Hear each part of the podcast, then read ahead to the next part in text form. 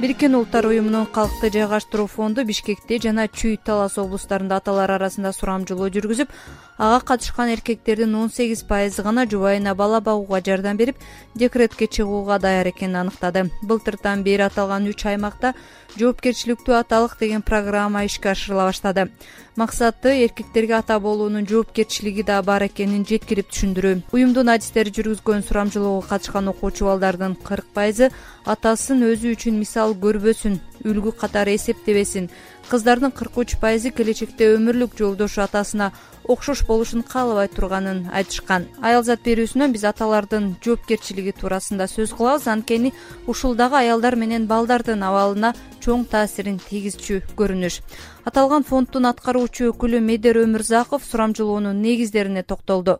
Изилдөөнүн негизги жыйынтыктары мындай болуп чыкты. Бул э, биздин эркектер аталар э, үй бүлөнүн эмесине көп катышпайт да негизги эле ошо энелер апалар балдарына тарбия берет ушундай деген негизги жыйынтыкка келди да. Кандай шарттар бул деген менин оюмча бул социалдык экономикалык шарттар ушу изилдөө көрсөттү баягы сураган эркектердин көбүнчө эле жетимиш пайызы көбүнчө алардын убакыты ушу жумушта өтөт экен да.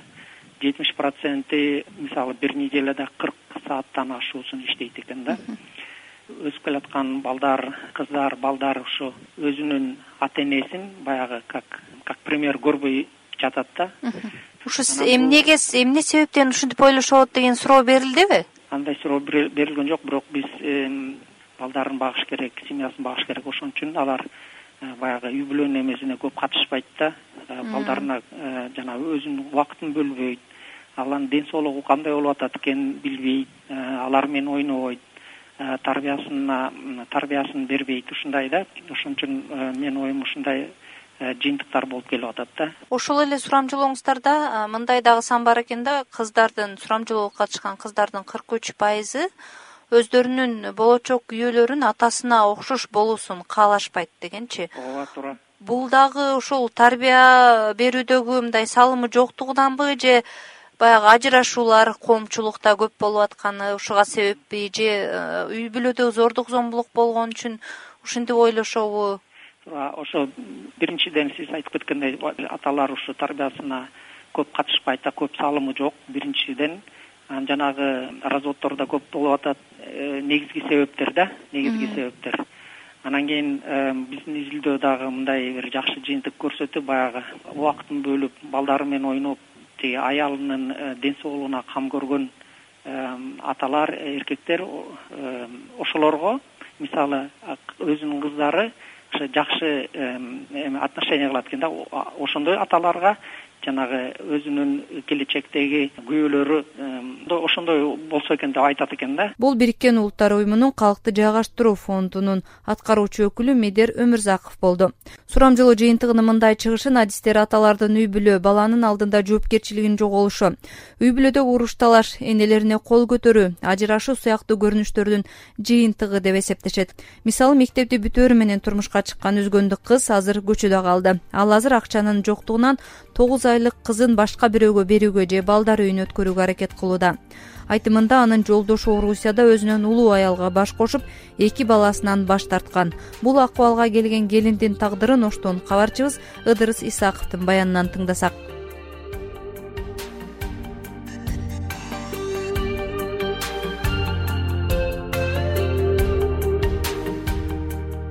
билбейм мындай чоң кызымды таштап кичинекей кызымды алып кетем или таштайм да билбейм.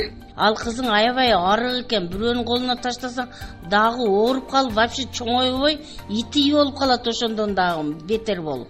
Билбейм. Анан эмне себептен сен муну дом малюткага таштайм деген оюңа келди анан жөн эле эме кылдым эле да. Үйдө отурсам анан буларды ким карайт?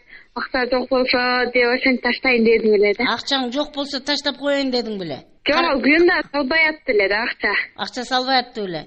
Анан азыр эми сен баланы таштай турган оюңда жок э жок таштаганга сен аракет жасабашың керек. Мейли кабар алып туруп ошо менин телефонума звонок кылып турасың. Өзү да колундагы баласы да арык. Жол киреси жок. Шаардагы балдар үйүн жөө издеп жүргөн келин бир жашка толо элек наристесин оштогу балдар үйүнө тапшырганы келген мунара мектепти бүтөрү менен эле сүйлөшкөн жигитине турмушка чыккан болчу.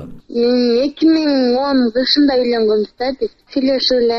Мектепти бүтүп эле турмушка чыктым кечээ звонить этип эмне акча салбайсыңбы ше мен өзүм ата энемдин үйүндө отурсам балдарым эмне ичип атат эмне жеп атат деп деле ойлонбойт экенсиң дешем эми салбайм! деп өчүрүп коюп атат. Эми салбайам! коюп атат да салбай атат дагы азыр анын жолдошу орусияда. Мунаранын айтымында күйөөсү москвада өзүнөн бир нече жаш улуу аялы менен жашап алганына өзү күбө болгон.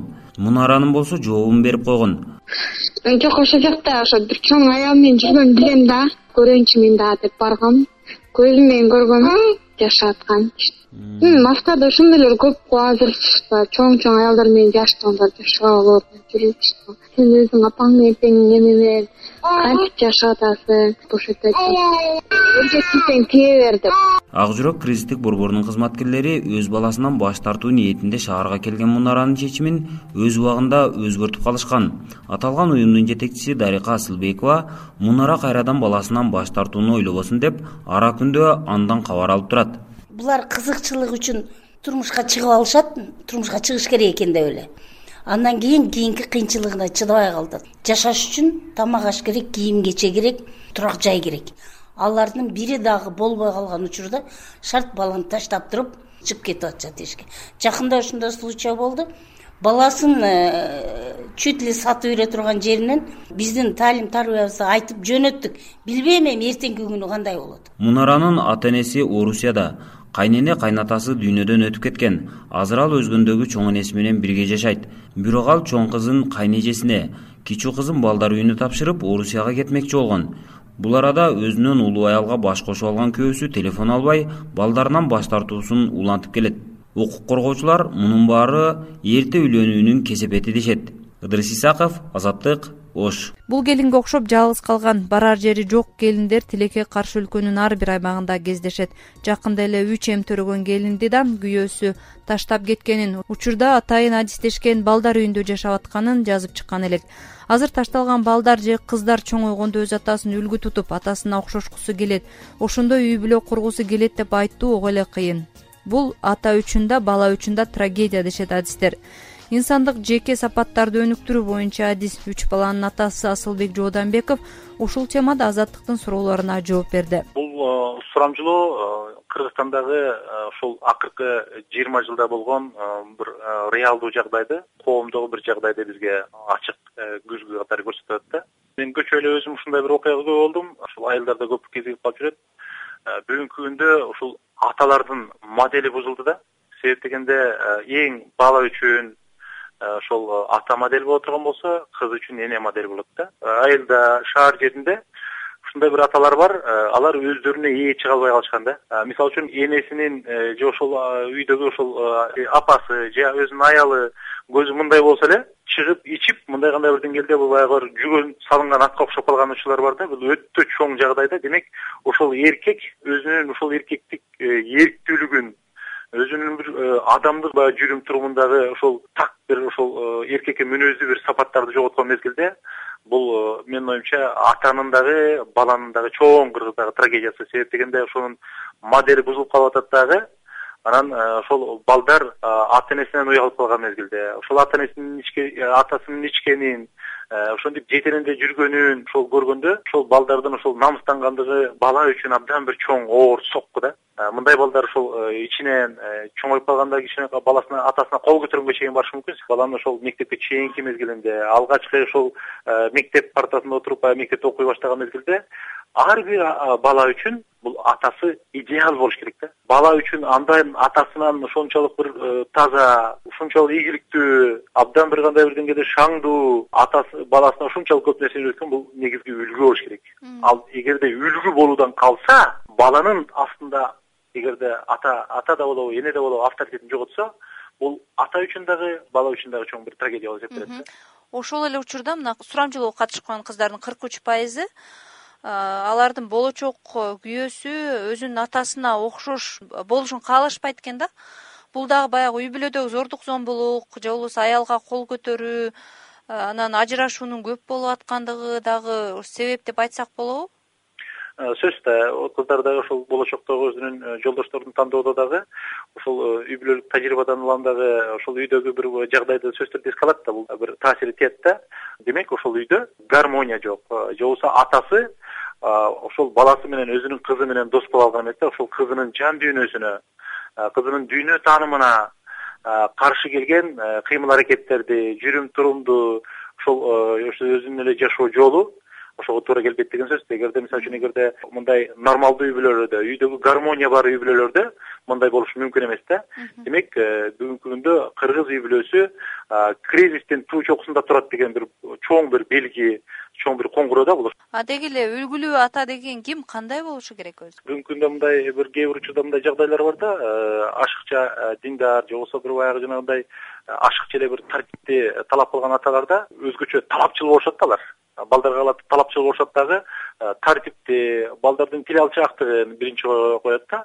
Ал эми үлгүлүү ата бүгүнкү күндө. Ошол э, үй бүлөсүндө ушунчалык бир жакшы маанайды жакшы бир жагдайды түзө алгандык. Үлгүлүү ата өзүнүн иши менен мамилеси менен үй бүлөдөгү бир кандай бир карым катнашы менен башкалар менен баарлашы менен э, кылган жумушу менен эгерде үлгү боло калса бул үлгүлүү үй бүлө да тилекке каршы э, каныкүл көп ата энелер тилекке каршы ошол биологиялык ата эне болуу менен чектелип атат да. Ата эне болууну биз үйрөнбөй атабыз сиз өзүңүздү үлгүлүү атамын деп эсептейсизби?